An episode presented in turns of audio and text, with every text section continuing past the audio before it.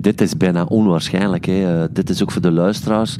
We zitten hier gewoon voortdurend te praten over die strandleeuwerik. En we hebben hem hier fantastisch close-up in onze telescoop. Ik heb hem nog wat dichterbij getrokken, Wouter. Want ik zie dat jij niet, niet zo'n dichterbijtrekker zit. Maar ik heb hem toch wel nog iets meer gefocust. Oh ja, wel. Ik ben ook een dichterbijtrekker.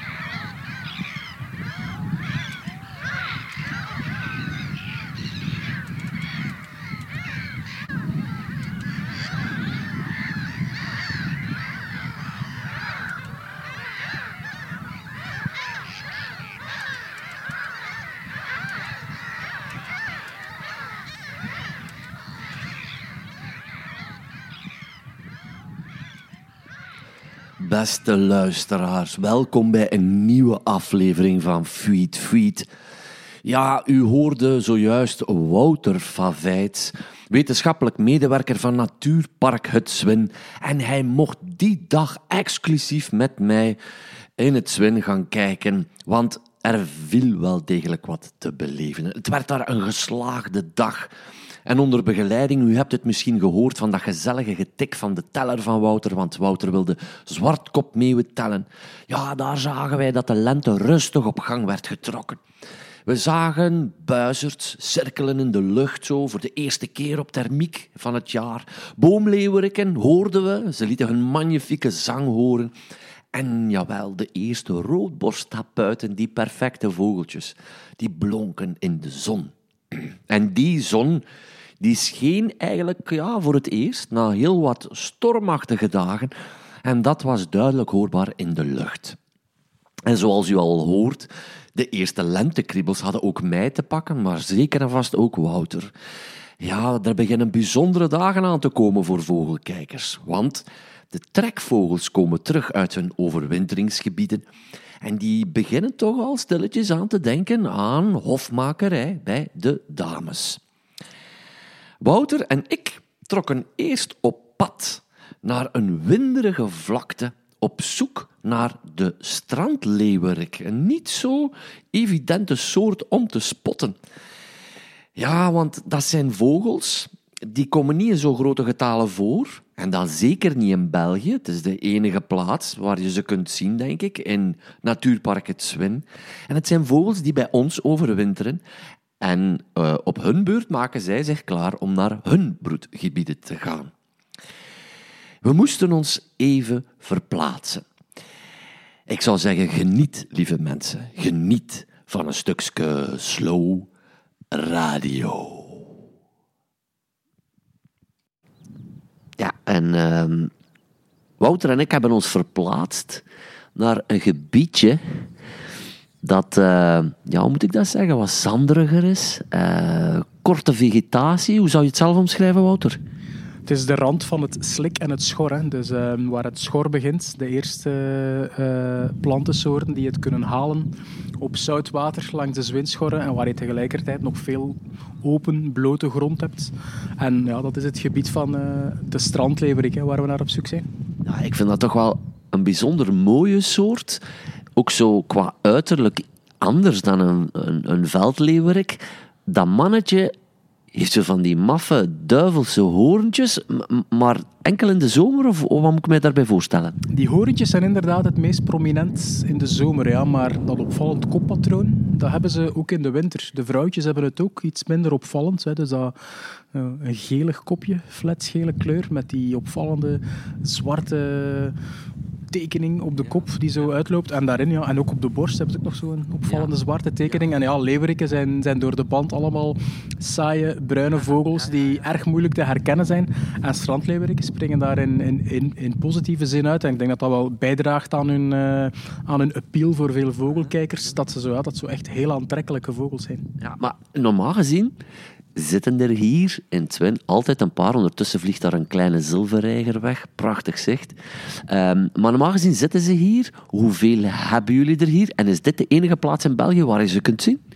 Uh, het zwin is inderdaad de enige plek waar, je, waar die soort regelmatig voorkomt en te verwachten is. Hè. Die duikt af en toe wel eens elders op in België.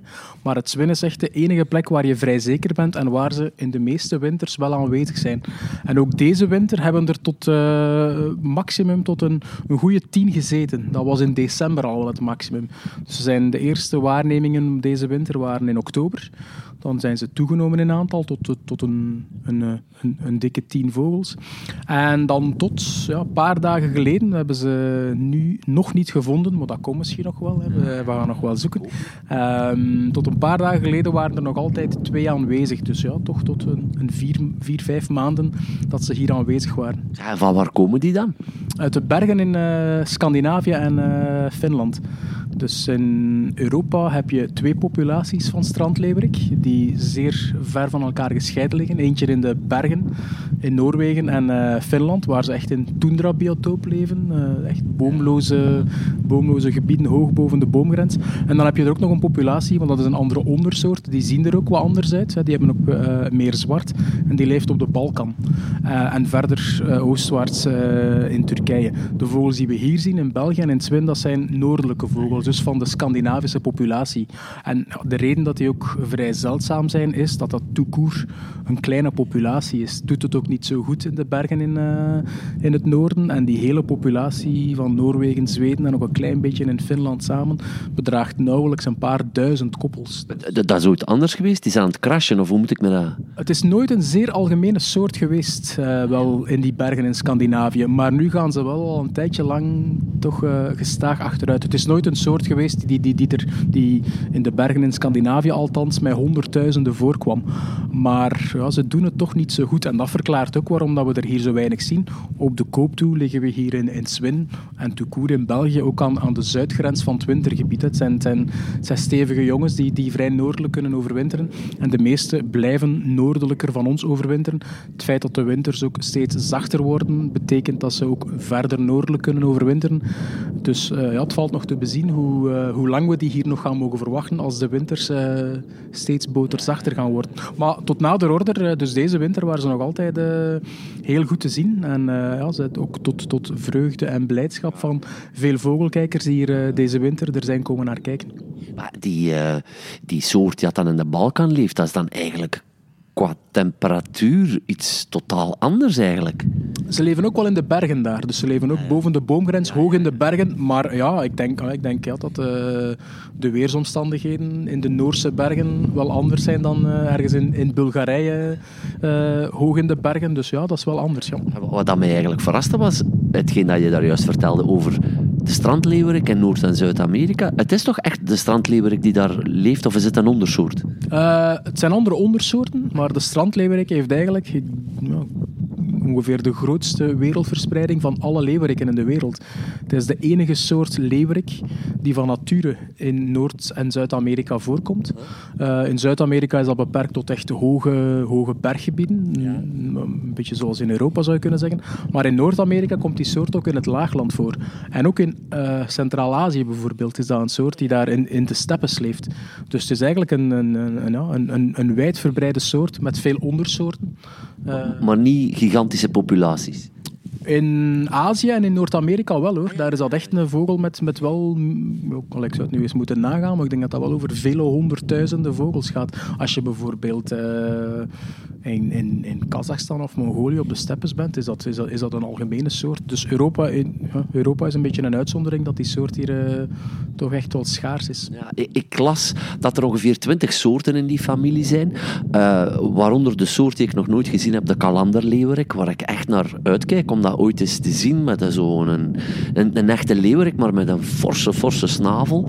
Uh, er zitten prachtige soorten bij. Een van de typische kenmerken van die leeuweriken uh, zijn dat zij een vluchtzang hebben. Dat zij dus echt, uh, voor de mensen die dat niet weten, omhoog stijgen, al fladderend, en dan naar beneden tuimelen eigenlijk, en dan als een soort parachute eigenlijk een paar meter boven de grond blijven hangen. Eh, mogen we dat ook van die strandleeuwerik verwachten? Ja, strandleeuweriken doen dat net als alle leeuweriken. Dat is wel straf, hè? Ja, straf. Hè? En je mag dat uh, koppelen aan hun, aan hun biotoop. Dus alle leeuweriken, bijna alle leeuweriken, hè, bijvoorbeeld boomleeuwerik is daar een beetje een uitzondering op, omdat die ook in open bossen voorkomt. Maar leeuweriken zijn in regel zijn al die soorten vogels van open land, zeer open land, zonder bomen of wat dan ook, waar ze zouden kunnen in, in, in gaan zitten om te zingen. Dus eigenlijk, als je dan, het zijn ook vaak zeer winderige uh, biotopen, hè, dan merk je hier ook in het Swinterhouse, en dat is, nu is nog vrij gematigde wind op dit moment, maar dat echt hard waait, ja, als je dan laag op de grond zou zitten en je bent aan het zingen, ja, dan, dan, dan, dan draagt je zang en dus je boodschap ook niet zo ver. Vogels zingen met een doel om uh, partner aan te trekken en of uh, te tonen dat het hun territorium is en concurrenten weg te werken. Uh, je zingt met een doel, dus wil je als vogel dat die zang zo goed mogelijk en zo ver mogelijk gehoord wordt. Het is dus vrij logisch dat die vogels in open steppengebieden, leeuwerik is daar ook niet alleen in trouwens, ook een aantal piepersoorten of veel piepersoorten, die ook vogels van open landschap zijn, zingen vaak door een zangvlucht te doen, waarbij ze zoals ook die strandleeuwerik, 100, 200 meter hoog gaan vliegen en daar minutenlang, vele minuten lang, uh, die zang afsteken. Uh, uh, afsteken. En ja, dat, dat, ja, dat maakt dus dat je als leeuwerik je, je boodschap over een veel groter gebied kan laten horen. Fascinerend dat, dat, dat die dat doen gewoon. Want ik kan eigenlijk, er zullen er nog wel zijn, hè, soorten, maar die zo'n vluchtzang hebben. Dus er zijn wel een paar zangertjes, vermoed ik, hè, die aan ook zo'n vluchtzang hebben. Zoals uh, hebben daar. Ja, rietzangers, grasmus, uh, blauwborst is ook een soort uh, die korte zangvluchtjes doet. dus ja, het heeft wel een functie blijkbaar, zelfs bij die soorten, om even u te verheffen boven het landschap en uw zang te laten horen. Bij die soorten zijn het vaak wel kortere zangvluchten. dus grasmussen, blauwborsten, rietzangers gaan omhoog en komen snel weer naar beneden. Leeuweriken, ja, die hebben die, die kunst van het zingen in de vlucht uh, geperfectioneerd tot minutenlang uh, in de lucht blijven hangen. En dat toont ook als leeuwerik aan, dat is ook aangetoond in onderzoek, leeuweriken die minutenlang en gevarieerd kunnen zingen, hoog in de lucht, die zijn gewoon aantrekkelijker voor de vrouwtjes. Dus het is een teken van, uh, van kracht en viriliteit en gezondheid als je als leeuwerik in staat bent om minutenlang de meest virtuoze zang te laten horen. Ja, ja, ja, ja. ja. Fantastisch. Fantastisch. Ja, die strandleeuwerik. Jammer dat we hem nu niet meer zien. Maar eigenlijk zou je er nog een print moeten bijhouden. Ik ga hem opsnorren om op uh, mijn sociale media te zetten, zodat je er een beeld van kunt vormen. Die hoorntjes zijn dan ook wel typisch gewoon voor de vrouwtjes te lokken, neem ik aan. Dat is ook een soort van ornamentje, zoals veel vogels ornamenten hebben. Het doet mij eigenlijk als een beetje denken aan sommige paradijsvogels, die natuurlijk van die uitstulpsels hebben die veel groter zijn, maar het, het, het, het zal wel het soort gelijk zijn. Hè? Het is gelijkaardig. Alle gekke kleuren of uh, ornamentjes die aan vogels hangen, hangen daar niet zomaar. Hè. Die hangen daar om, om inderdaad om, om indruk te maken op vrouwtjes. Hè. Het is ondertussen ook wel het wordt toch sterk vermoed dat die, die, die, die selectie naar felle kleuren en ornamenten, dat dat ook gedreven wordt, evolutionair, door wat de vrouwtjes willen. Hè. Dus de vrouwtjes kiezen mannetjes die er het meest opzichtig uitzien. En daar, omdat dat ook een teken is dat dat gezonde, sterke mannen zijn.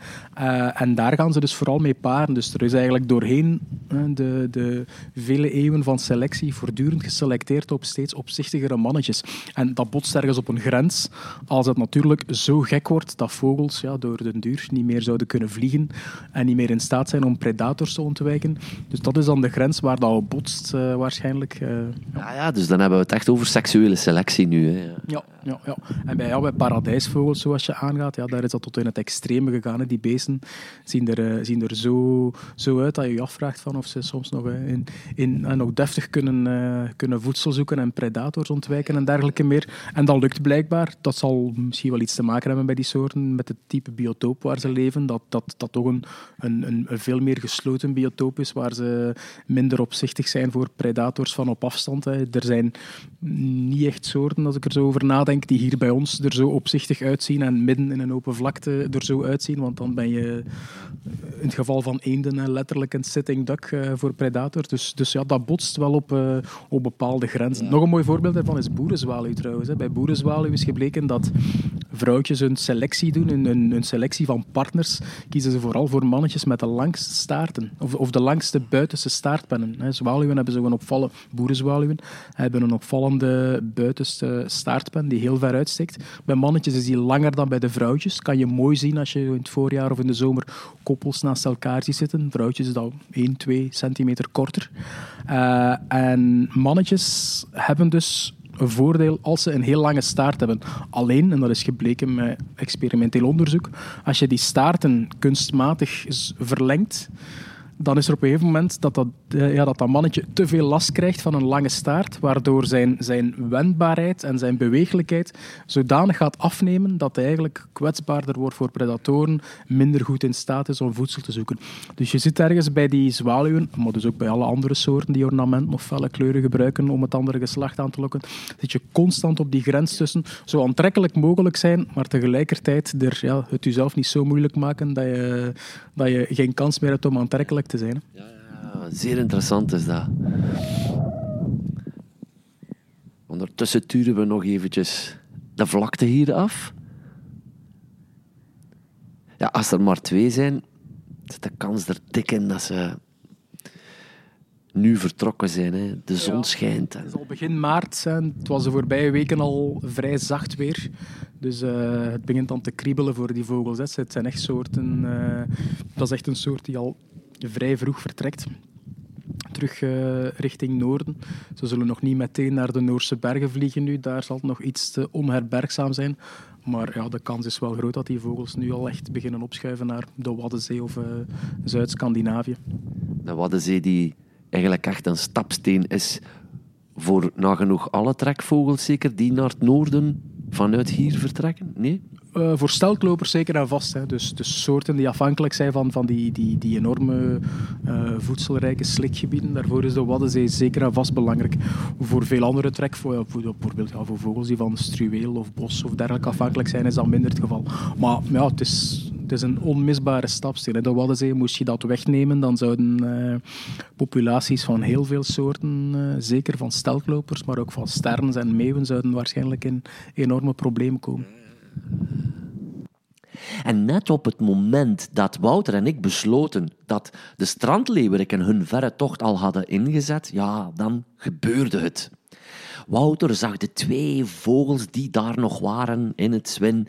En dat was werkelijk een hoogtepunt van de dag voor mij, zo niet van het jaar. Want zoals ik al zei, je ziet die strandleeuweriken niet zoveel. We konden ze netjes in de telescoop zien en als je wil weten hoe ze eruit zien, dan raad ik u aan op de Facebookpagina van Feed Feed of mijn Instagram-account te gaan, want ze zijn meer dan de moeite waard. En blijf vooral even luisteren, want op een gegeven moment vlogen er hoog in de lucht twee slechtvalken over. En dat had wel degelijk effect op het gedrag van de strandleeuweriken. Dames en heren, dat is een staaltje live radio om van te smullen. Ja, en dit uh, moet eigenlijk gevierd worden, want we, we hebben ze. Het zal wel zijn. En ze zien er nog kleuriger uit dan dat ik me had voorgesteld, zeg. Ja, het zijn fantastische beesten. Ik denk, ja, ze hebben ook in, in de winter zien ze er een beetje fletser uit. Zou kunnen dat ze uh, al naar, naar het broedkleed aan het gaan zijn en dat daarom nog wat geliger beginnen uitzien en dat die horentjes wat beginnen te verschijnen. Ja, dat toont als je hè, vogels zoeken. Dat is uh, uh, een bepaalde uh, illustere vogelkijker zei ooit de woorden, en ik denk wel dat ze waar zijn, ja, geluk dwing je af. en ja, dat geldt voor heel veel dingen, maar dat geldt zeker ook voor vogels kijken en voor natuur zoeken. Hè. Dus door, door te weten waar je moet zoeken, hè, hoe, het, hoe het biotoop eruit ziet van de soort en hoe ze zich gedraagt, en vervolgens gewoon door te zetten en te zoeken, kan je, kan je heel ver komen hè, met vogels kijken. Ze zien er fantastisch uit. Hè. Echt zo een crème-gelig koppeken, bijna fel. Dat lijkt mij dan wel een vrouwke te zijn. Ga eens kijken. Ja, die lijkt inderdaad. Je ziet ook dat zwart op het masker zo achter het oog, op de oorstreek, is niet echt hard zwart. Is zo meer een beetje, een beetje uh, bruinig zo. Dus dat ziet er inderdaad uh, geen mannetje uit. De andere, moet je eens kijken, die ziet er... Die linkse, die ziet er... Uh, daar zie je dat dat zwart masker scherper afgelijnd is. Dat is ook echt diep zwart. Dus ik zou daar wel een mannetje van maken. Prachtig, hè? Dus... Ah, ze blijven ook heel rustig zitten, vind ik. Ja, ja het zijn eigenlijk niet echt schuwe vogels. Uh, als je ze vindt, voor ze opvliegen. Want soms kan je er... Uh... Ze verdwijnen achter het heuveltje nu. Soms uh, ze, ze, ze lijken wel een beetje op de... Hun kleur komt wel overeen met de, met de zanderige vegetatie of de, of de zanderige bodem waar ze in zitten. En uh, ja, ze vallen dus weinig op. En ze drukken zich soms, dus dan blijven ze gewoon stilzitten en dan merk je ze niet op tot je er vlakbij bent en dan vliegen ze op. Als je dat kan vermijden en je vindt ze voor ze opvliegen, zoals wij nu gedaan hebben, door gewoon te speuren, ja, dan, dan, dan zijn het inderdaad eigenlijk vrij rustige vogels waar je lang kan van genieten. Ja, dus binnenkort trekken die naar het noorden? Ja, die zijn zich nu uh, aan het klaarmaken om uh, ergens in de bergen in uh, wellicht Noorwegen, want daar zit de grootste Europese populatie, om daar de zomer te gaan doorbrengen. Ik ben een beetje jaloers. Schitterend, we hebben ze gezien. Daar ben ik in ieder geval wel heel blij mee. Ah. Daar ben ik ook altijd heel blij mee. Ik heb ze nu deze winter een aantal keren gezien, maar ja, dat zijn en er zijn eigenlijk zoveel soorten waar je nooit genoeg kan van krijgen. Hè. Ik heb ze al alle twee moeten kijken. Dit is echt wel schoon. Wacht, ik kan hem zo zetten. Vreugdenbril. Oh ja, zalig. Ja, ja. Nou ja, nu zie je ook schoon het verschil tussen de geslachten. Nu. Je ziet dat dat mannetje schoon uh, zwart masker heeft en dat vrouwtje is zo'n beetje fletser van kleur. Ja. Zalig. Zalig. Kikken. Amai zeg. Ze drukken zich ook echt tegen de grond ja, nu. Ja, ja, ja, ja, en dat zie je wel als je, als, als je de tijd neemt om die wat te bekijken, die vogels, zie je dat ze vaak soms even de tijd nemen om te stoppen en rond te kijken. En uh, ja, een beetje... Ah, ik denk dat ik ook... Hoor je geluid? Slechtvalk die aan het roepen is. Ja, ja, ja, ik hoor hem. Ja, ja, ja, ja, ja, heel duidelijk. Wellicht... De reden dat ze zich drukken is omdat zij uiteraard, want daar zijn ze veel beter in dan wij, die slechtvalk al uh, eerder hadden gezien dan wij. Ja, hoor dat echt zo... Ja, ja, kom hem echt schreeuwen. Hè, dus het zou wel eens kunnen dat er meer dan één rondvliegt dan. Maar ze drukken zich nu... Echt, zeg, je moet eens kijken. Dat dat... Ja, ja, ja. En je ziet ze ook naar omhoog kijken. Ja, Zie je ze? Ja, ja, ja, ja, ja, ja, ja. Fantastisch wat er hier gebeurt. Ja, die is echt naar boven aan het kijken. Hè? Ja, ja, ja, ja. Kop schuin. Dus vogels kijken schuin mijn kop en kijken dan met één oog naar boven. En uh, zien zo als er uh, iets gaat. Dat is trouwens een uitstekende manier om roofvogels te kijken. Als je aan het kijken bent naar vogels op de grond, meeuwen of hier in dit geval dan zelfs strandleeuweriken, en je ziet ze geconcentreerd naar omhoog kijken, hè, dus door hun kop schuin te houden, wees maar zeker dat er bijna altijd een roofvogel vliegt. En als jij hem niet vindt, dan is het omdat jij uh, het niet ziet, want hij vliegt er altijd. Ja, ze blijven zitten, die twee strandleeuweriken. Zeer hoog. Twee. twee slechtvalken daar, zeer hoog. In de wolken. Ja, ik zie ze, ik zie ze. Ja, prachtig, ze zijn echt nu aan het vliegen. Het zijn er twee. Het zilver van hun uh, ondervleugels reflecteert in de zon. Het is een jonge vogel, een juveneel, bruiner. En de andere is een adult. En ik denk, omdat hij vrij klein en uh, fijn is, dat dat een mannetje is, die adult. Ja, je hoort ze ook voortdurend roepen, hè. Uh, zalig. Prachtig, prachtig moment om mee te maken hier. En de leeuweriken drukken zich nog altijd. Jongens toch? Nog altijd niet gerust. Ja, die blijven zitten voor ons, denk ik. wie weet, misschien drukken ze zich voor ons. Ja, wie weet. Dat had ik niet verwacht, dat, we, dat ze zo zouden poseren voor ons. Maar Fik, moet eens kijken. Ja, ja mooi hè. Ja, en dat is ook fantastisch om te beseffen. Hè. Dat is een soort die dus altijd in van die open, winderige condities leeft. Hè. Dus die, die dieren... Dus in de winter hier brengen ze die brengen ze door hier op de, de winderige vlaktes van Swin. Nu zitten wij hier begin maart. Het schijnt al een zonnetje een beetje uit. Het is, vrij aangenaam, maar, maar je moet je voorstellen in de winter, hè, zeker de, de duistere dagen en de dagen dat het regent en waait, dan zitten die beesten hier ook altijd. Hè. Wij kunnen hier nu even komen zitten en dan kunnen wij straks uh, terug binnen gaan. En bij slecht weer komen we hier misschien niet als het te guur is, maar dit is het voor die vogels. Hè, waar ze de winter doorbrengen, ze gaan gewoon niet zuidelijker. En in de zomer dan gaan ze in de, in de bergen in Noorwegen gaan zitten en daar kan het zelfs in juli uh, behoorlijk guur zijn. Dus... Echt uh, ja, boven, toch... dat ze er zo mooi uitzien, ja, dwingt dan nog meer respect af. Ja, dat is maf dat ze dan ook dat biotoop kiezen. Hè. Ik zou zeggen, gaat dan toch ergens waar het zonnig en warm is? Ja, ja wees een paradijsvogel. Nee, nee, nee. Ja, vogels zoeken gewoon een plek waar dat er uh, eten te vinden is. Hè. En die, die, die arctische gebieden, ja, dat zijn zelfs in de zomer, die korte zomers die daar zijn, zijn dan nog altijd niet echt zeer aangename gebieden. Maar wat daar wel voordelig is, is het is daar heel veel, uh, er is daar heel veel daglicht in de zomer. Ja. Zeker als je echt noordelijk gaat, heb je een aantal dagen 24 uur daglicht. En je hebt daar heel veel voedsel. Dus daar komt een heel uitbundige plantengroei tot gaan. Heel uitbundig, niet in de zin van tropische planten of zo, maar daar beginnen veel planten te groeien. En daar komt ook een, een, een uitgebreid insectenleven op gang. En dat betekent dus heel veel voedsel. En daar gaan die vogels dus naartoe. Dus ze gaan naar een gebied waar dat heel kort, maar wel heel veel voedsel aanwezig is. Dus dat maakt die gebieden zo aantrekkelijk. Maar uh, het zijn zaadeters en insecteneters? Of insecteneters enkel tijdens de broedperiode? Of, of... Dat is enkel tijdens de broedperiode, ja. Hier, uh, hier eten ze echt uh, zaadjes hier. Dus je kon hier bijvoorbeeld in Swin. Je hebt hier uh, dat gebied hier waar ze hier nu veel zitten. Daar, dat is een stuk van het nieuwe Zwin, waar mm, dat vorig jaar is ontstaan. En waar nu de eerste schorre vegetatie tot stand komt. En een plantje dat hier heel veel groeit, is klein schorrekruid.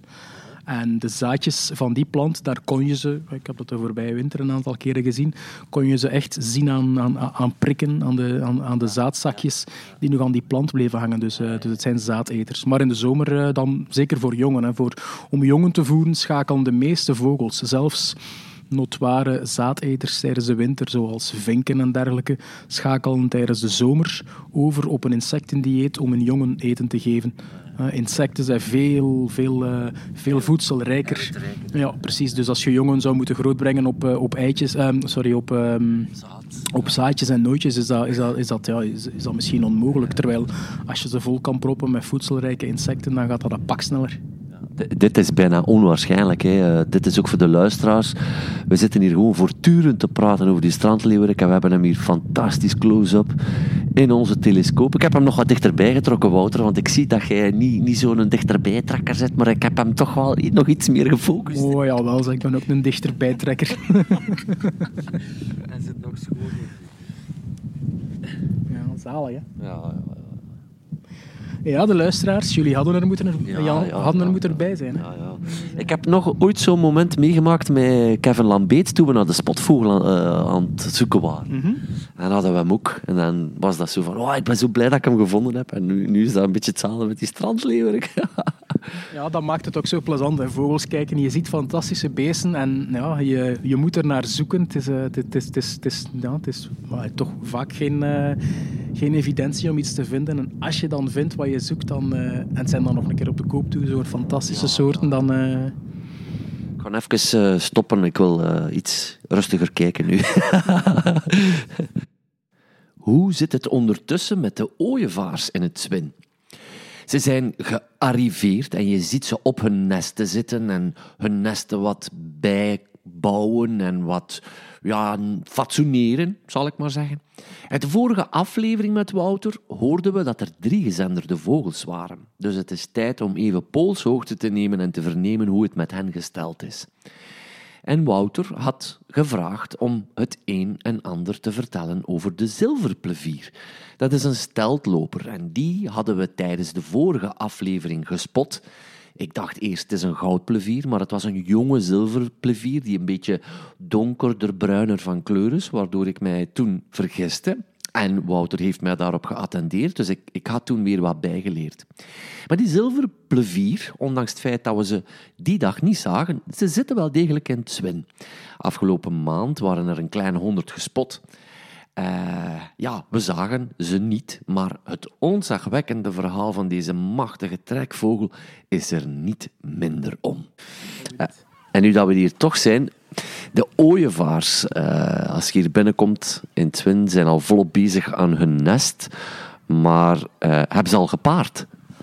Een klein beetje, maar nog niet zoveel. Ja. Uh, dus de koppels die vorig jaar hier gebroed hebben, als die, het, als die blijven leven, als die de winter overleven, dan komen die normaal gezien terug naar hun nest van het jaar ervoor.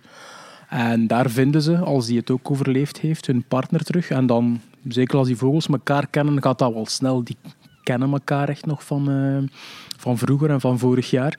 En dan wordt die paarband terug verstevigd. En ja, allee, een beetje zoals bij mensen, een paarband verstevigen door te paren. Dat is een, eh, ook voor ooievaars is dat een, een, gangbare manier om het te doen, zullen we maar zeggen. En ja, natuurlijk, door het, uh, de, de voorbije weken hebben we nogal veel winderig weer gehad. En uh, ja, we merkten wel, dus er waren al vrij veel ooievaars terug. Er zijn er al zeker 22 uh, teruggekeerd naar het park tot nu toe.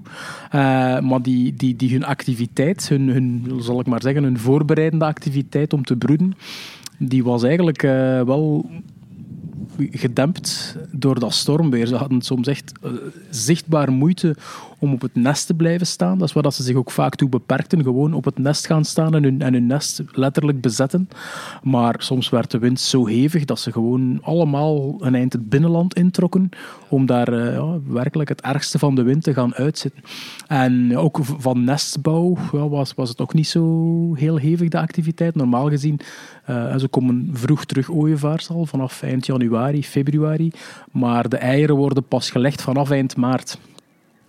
En die weken daartussen, dan is het paren en nestband versterken, maar ook vooral dat nest terug uitbouwen. Dus een, een, hoop verse takken aanleggen. Ze bouwen elk jaar verder aan dat nest. En dat is ook altijd hetzelfde nest dat ze bezetten, of niet? Als het kan wel, ja. En zeker als ze er met succes gebroed hebben het jaar voordien, als, als ze dus jongen zijn uitgevlogen, dan komen ze graag terug naar dat nest. Uh, dat is niet altijd zo. Er zijn gevallen van ooievaars die uh, niet terugkeren naar hun nest van het jaar voordien. En dat is meestal zo als, als dat broedgeval dat ze daar het jaar voordien gedaan hebben mislukt is, om een of andere reden. Dan, uh, ja, dan denken sommige ooievaars waarschijnlijk van, ja, hier is iets misgegaan. Of ja, was de reden misschien zodanig groot voor die dieren dat ze echt een andere plek gaan zoeken. Maar normaal gezien, als ze blijven leven, keren ze terug naar hetzelfde nest. Jij hebt de vorige keer gesproken over ooievaars die gezenderd waren. Hoe is het daarmee gesteld? Um, tot voor kort heel goed, want een beetje tegen de verwachtingen waren ze tot uh, een, uh, halverwege februari nog alle drie met zekerheid in leven. Dus we kregen van alle drie nog steeds uh, zendersignalen door. Twee overwinterden in Noord-Marokko en eentje in het uiterste zuiden van Spanje. Maar helaas hadden we vorige week dan het heel spijtige bericht uit Marokko op een van de plekken waar, hij, uh, waar, die, waar een van die vogels overwinterde, want ze overwinterden niet samen, die twee vogels in Noord-Marokko, uh, ja, dat er eentje geëlektrocuteerd is aan een hoogspanningslijn. En ja, dat is zeer, zeer spijtig. Um, het was eigenlijk een beetje uitzonderlijk dat ze nog alle drie in leven waren, want sowieso jonge vogels, de sterfte bij jonge vogels is groot in hun eerste najaar en eerste winter. En dat is, ja, dat is van nature zo. Jonge vogels zijn onervaren en weten niet welke risico's er allemaal zijn. En dat betalen ze heel vaak, helaas, cash. En ja, dat heeft deze vogel hier nu helaas ook uh, voor gehad. Hè. Dus hoogspanningslijnen zijn een bekende doodsoorzaak van grote vogels zoals ooievaars. Oh, dat is jammer. Zeg maar, die terugmelding, hoe krijgen jullie dat? Of zien jullie gewoon dat er niks meer beweegt? Of hoe... Dat laatste, dat zou kunnen. Hè. Als je inderdaad ineens zou zien dat je zender uh, ter plekke blijft liggen zonder beweging, dan weet je dat er iets mis is. In dit geval wisten we het eigenlijk doordat iemand van de Marokkaanse ho hoogspanningsbeheerder, of hoe zal ik het noemen, zo'n beetje de Marokkaanse Elia, uh, een boodschap had eh, doorgegeven aan onze partner in dit zenderproject. Dat is het uh, Instituut voor Natuurwetenschappen, de, de, de, Belgische ringdienst. En um, op die ring, want die vogel was ook geringd, stond er ook, uh, stonden ook de coördinaten van het Instituut voor Natuurwetenschappen met een e-mailadres. En op dat e-mailadres had die persoon die de ooievaar gevonden had in het veld, dus die, dus die man had die vogels die liggen in het veld, zag dat daar een zender aanhing, of een toestel op de rug zat in elk geval, en een ring. En die heeft dus het, het Instituut voor Natuurwetenschappen uh, gecontacteerd. En zo wisten we al, ja, helaas al de dag of twee dagen na het gebeurd was. Uh, ja, die mens heeft dan de moeite nog genomen om, om contact te leggen. Dat is wel ferm, hè? Fantastisch, hè? Geweldig, hè? Ja. Oké, maar dus nu wachten we nog eigenlijk een beetje met spanning af op die... Ja, dat is een beetje een rare woordenkeuze. We wachten met spanning af op die twee andere ooievaars. Uh, ja, we zijn in elk geval benieuwd wat die nog gaan doen. Uh, het zijn jonge vogels die vorig jaar geboren zijn. En het, het is geweten, ooievaars die beginnen pas na drie, vier, soms langere jaren zelf uh, een nest te bouwen en, uh, en voor nageslacht te zorgen. De jaren ervoor, dan, dan, dan hebben ze een beetje een vrijgezellenleven en zwerven ze waar rond. En dat betekent dat die vogels, die jonge vogels die gezenderd zijn, uh, dat die niet gehaat zijn om naar hier te komen. Dus die ooievaars die wij hier zien, en die ook elders in België gezien worden vanaf februari, dat zijn vogels die aan het broedproces gaan deelnemen bij ons of in Nederland of in Duitsland. En die keren al vroeg terug want die willen zo snel mogelijk terug naar hun nest van het vorig jaar om te verhinderen dat daar een andere ooievaar op zit. En die willen zo snel mogelijk hun plek terugclaimen. Die jonge vogels die hebben nog geen eigen plek, dus die hebben die haast niet. En die keren later in het voorjaar terug. Dus het is, ja, is nu wel uh, interessant om te zien wanneer die, die, die andere zenderooievaars gaan in beweging komen en noordwaarts gaan vliegen. Tot nader order. We zijn nu hè, begin maart en, en, en ja, zien we nog geen beweging van die andere vogels.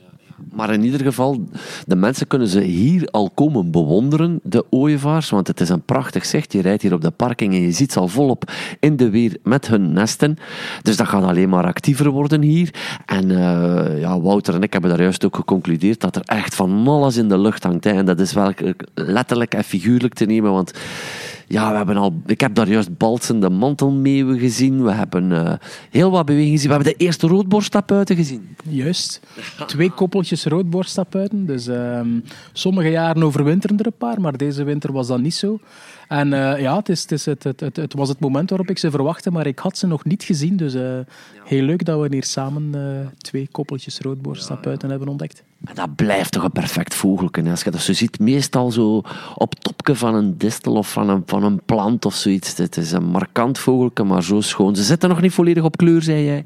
Nee, uh, dat één mannetje die was duidelijk nog, uh, die had nog een beetje, uh, een beetje tijd te gaan voor hij perfect op kleur was. Roodborsttapuiten, die krijgen hun, hun broedkleed, uit de, uit de mannetjes zeker, die er opvallender uitzien, doordat het... het de, de veren op de kop een beetje wegslijten. Dus die, eh, die veren hebben bruine randjes, maar tegen het begin van het broedseizoen slijten die bruine randjes weg en blijft er nog zwart over. En dan zijn ze, krijgen ze eigenlijk dat, dat prachtige broedkleed. En ja, deze jongen was duidelijk nog uh, ja, ja, ja, niet helemaal klaar. Maar zeg, wel al een vrouwtje.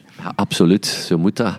Zeg, uh, uh, jij wilde eigenlijk ook nog het een en ander vertellen over die zilveren plevier. We hebben hem jammer genoeg nu hier nog niet tegengekomen. Vorige keer wel trouwens, dat hebben we hem wel al gezien. Um, ja, ik, ik, kan het zijn dat jij die kiest omwille van het feit dat het toch ook wel een machtige trekvogel is? Absoluut, ja. Dat is uh, de voornaamste reden. De uh, zilverplevier is zo'n beetje het, het, het, het, het prototype van wat je de de, de Arctische trekkende steltloper zou kunnen noemen, die, die enorme afstanden aflegt over, over, over grote delen van de wereld tussen broed- en wintergebieden. Zilverplevieren broeden eigenlijk zo ver noordelijk als je kan gaan in de wereld. Daar broeden ze op stenige, droge tundra in Siberië, Noord-Siberië, ook in Noord-Canada. Uh, dus die vogels komen van heel ver. Een deel overwintert hier in, uh, in Noordwest-Europa en ook in het Zwin. We hadden er deze winter uh, ruim uh, over de 100 die hier overwinterd hebben. maar een deel van die zilverplevieren, of een flink deel, trekt ook verder zuidelijk door tot in, tot in Afrika. Dus dit, dit, ja, het is een beetje opmerkelijk hoe sommige van die zilverplevieren beslissen om hier al te stoppen en te overwinteren. En ja, wat soms toch wel vrij barre omstandigheden zijn in de winter. De winters kunnen hier wel streng en koud zijn. Terwijl andere zilverplevieren ja, er uh, op het gemakje nog, uh, nog eens 4.000, 5.000 kilometer bijlappen. Het is toch vreemd, hè? want je zou zeggen van ja, er zit een klein verschil op. Maar dit is toch wel een markant verschil, hè? Ja, komt wel voor bij meer steltlopers, hoor. Uh, soms zijn dat dan andere ondersoorten, maar niet per se. Uh, drieteenstrandlopers, steenlopers, bonte strandlopers. Je hebt een deel dat hier overwintert, maar je hebt ook een deel van de populatie dat, nou ja, dat naar tropisch Afrika vliegt. Ja. En je kan ze eigenlijk, volgens mij, dan weer terug naar hier zien trekken wanneer het, ja, laten we zeggen, uh, augustus, juli, augustus is, passeren ze hier nog eens? Ze komen al heel vroeg terug. Hè. Die Arctische steltlopers, dus die zilverplevieren bijvoorbeeld, vanaf uh, de tweede helft van juli keren die al terug als het eigenlijk nog zomer is, volop zomer voor ons. Begint voor Of, of zijn dat de vogels die niet geslaagd zijn in het broeden? ook, maar ook de geslaagde broedvogels, of een deel van de geslaagde broedvogels, vertrekt al. Bij heel veel steltlopers wachten de ouders niet tot de jongen volledig zelfstandig zijn. Uh, bij, de, vrijwel alle steltlopers is het zo dat de jongen sowieso zelf voor hun voedsel moeten zorgen. Dus die moeten zelf van dag één rondstappen en kleine insecten oppikken. Die kunnen dat. Hè. Dat zijn nestvlieders, zoals dat heet. Uh, en, en, die ouders hebben eigenlijk vooral een bewakingsopdracht. Dus die moeten vooral bewaken dat er, dat er geen predatoren te dicht bij die jongen komen. Ze alarmeren als er predatoren uh, nabij komen. Maar die voeden die jongen dus niet actief. En eens die jongen bij veel soorten twee weken, drie weken oud zijn, dan laten ze die achter. Of een van de twee ouders laat die al achter. En daar zijn heel veel variaties op dat thema bij verschillende soorten steltlopers. Bij, bij groenpootruiter komt het vrouwtje eerst terug. Dat is toch wel markant, hè, dat manneke blijft. Hè? Ja, dat is, en, en, dat is bij nog steltlopers zo. Hè. Uh, dus, dus dat kan zijn dus, dus dat de mannetjes meer uh, energie steken in de, in de opvoeding van de jongen of toch iets langer blijven dan de vrouwtjes. En dus die zilverplevieren die we hier in, in, de, in, in, in de loop van de zomer al terugzien, dat zijn dus vogels die misschien ook met succes gebroed hebben of mislukt hebben. Want als ze mislukt zijn eh, in hun broedspoging, ja, dan hebben ze ook geen reden meer om daar te blijven. En dan vliegen ze meteen uh, een paar duizend kilometer terug naar Europa om hier al aan te komen. Ongelooflijke binken, hè? dat is niet normaal. Hè? De, um, en los van het feit dat het zo een, een, een prestatievogel is, kan je er ook bij zeggen dat het wel een hele knappe vogel is. Zeker. Zeker in, broedkleed zijn dat uh, fantastisch mooie vogels. Hè. De mannetjes zijn nog iets kleurrijker dan de vrouwtjes, maar die, die, die, die, op, die, die felzwarte buik en dan dat wit-grijs gemarmerde bovenkleed, dat trouwens ook mooi illustreert waar ze broeden. Hè. Het is dus een soort die broedt, ik zei het al, op stenige, droge tundra. En dus hun, hun, hun, hun bovenkant van hun lichaam mimiekt eigenlijk die, die, die, stenige ondergrond van die droge tundra waar ze broeden. Je hebt andere soorten die in meer kleurrijke delen van de tundra broeden, die een beetje meer warme kleuren hebben in hun verenkleed goudplevier. Dat is nu niet echt een pure, pure tundra-soort, maar die is, die is warmer getekend, omdat die in venige stukken broedt, die iets, waar iets meer warmere, kleurige vegetatie heeft. Maar die zilverplevieren die zitten echt in die, in die stenige tundra en, dat, en dat, de, die, uh, die bovenzijde van het verenkleed, die, uh, die mimikt dat perfect. Het zijn twee prachtige vogels. Die goudplevier, dat, dat behoort echt tot een van mijn favoriete schone, allee, dan bedoel ik esthetisch, soorten. Mijn hart huppelt toch iedere keer weer als ik die zie, die goudplevier. Maar geleerd van u, Wouter, ondanks het feit dat zilver en goud vlak bij elkaar ligt, zijn toch wel soorten die aan een andere biotoop voorkomen. Hè? Ja, absoluut. Zowel in, in, uh, in, in broedgebied als in wintergebied eigenlijk. Dus zilverplevier is echt een hoog Arctische soort, zeer hoog Arctische soort. Uh, van echt pure tundra. Goudplevier zit toch een pak zuidelijker. Tot zelfs, oorspronkelijk zelfs in België was dat een broedvogel. Broeden uh, op de Hoge Venen, ook zelfs in de Kempische heidevelden, maar dan toen er nog veel meer en ook iets nattere heidevelden waren. Dus is een, is een zuidelijker soort. Ja. Maar, en ook in de winter. Uh, zilverplevier is echt een, een, een, echt een zoute soort van, van uh, slikgebieden uh, van, of van het strand zelfs, of golfbrekers. Terwijl goudplevieren, die zien we eigenlijk maar weinig of zelden in die zoute gebieden, maar die kiezen dan de, de zoetere delen, de polders of akkers. Ja, ja. ja, ja. Ik ken iemand die uh, woont in Oudenaarde en die zei tegen mij dat vroeger, toen dat, dat er nog niet vol gebouwd was, dat er eigenlijk elke winter, die sprak over honderden goudplevieren. Hè. Uh, onwaarschijnlijk. En, moet ook gezegd, goudplevier was toch ook wel een, uh, een, een soort die graag afgeschoten werd door jagers, niet? Uh, ja, dat klopt. En daar wordt nog altijd op gejaagd. Hè. In Zuidelijk Europa, in Frankrijk, Spanje, Italië is er nog altijd uh, jachtwild. Ja, ja, ja. ja. Scholaksters krijgen het ook op al de reupes. Hè. Ja, die zijn ook al zich volop aan het voorbereiden voor, uh, voor de broedperiode. Dus die nemen er ook hun territoria al in, in het zwin.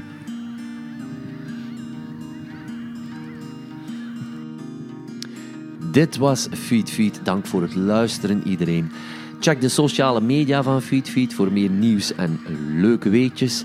En dan nu reclame. Eind april komt mijn boek eindelijk uit. FeedFeed, de passie van het vogelkijken genaamd. Maar binnenkort daarover meer. Ik hoop dat u genoten heeft van deze aflevering. Uh, ik heb uh, in ieder geval een dag beleefd die ik niet snel zal vergeten. Ik zou zeggen tot de volgende aflevering. Dag.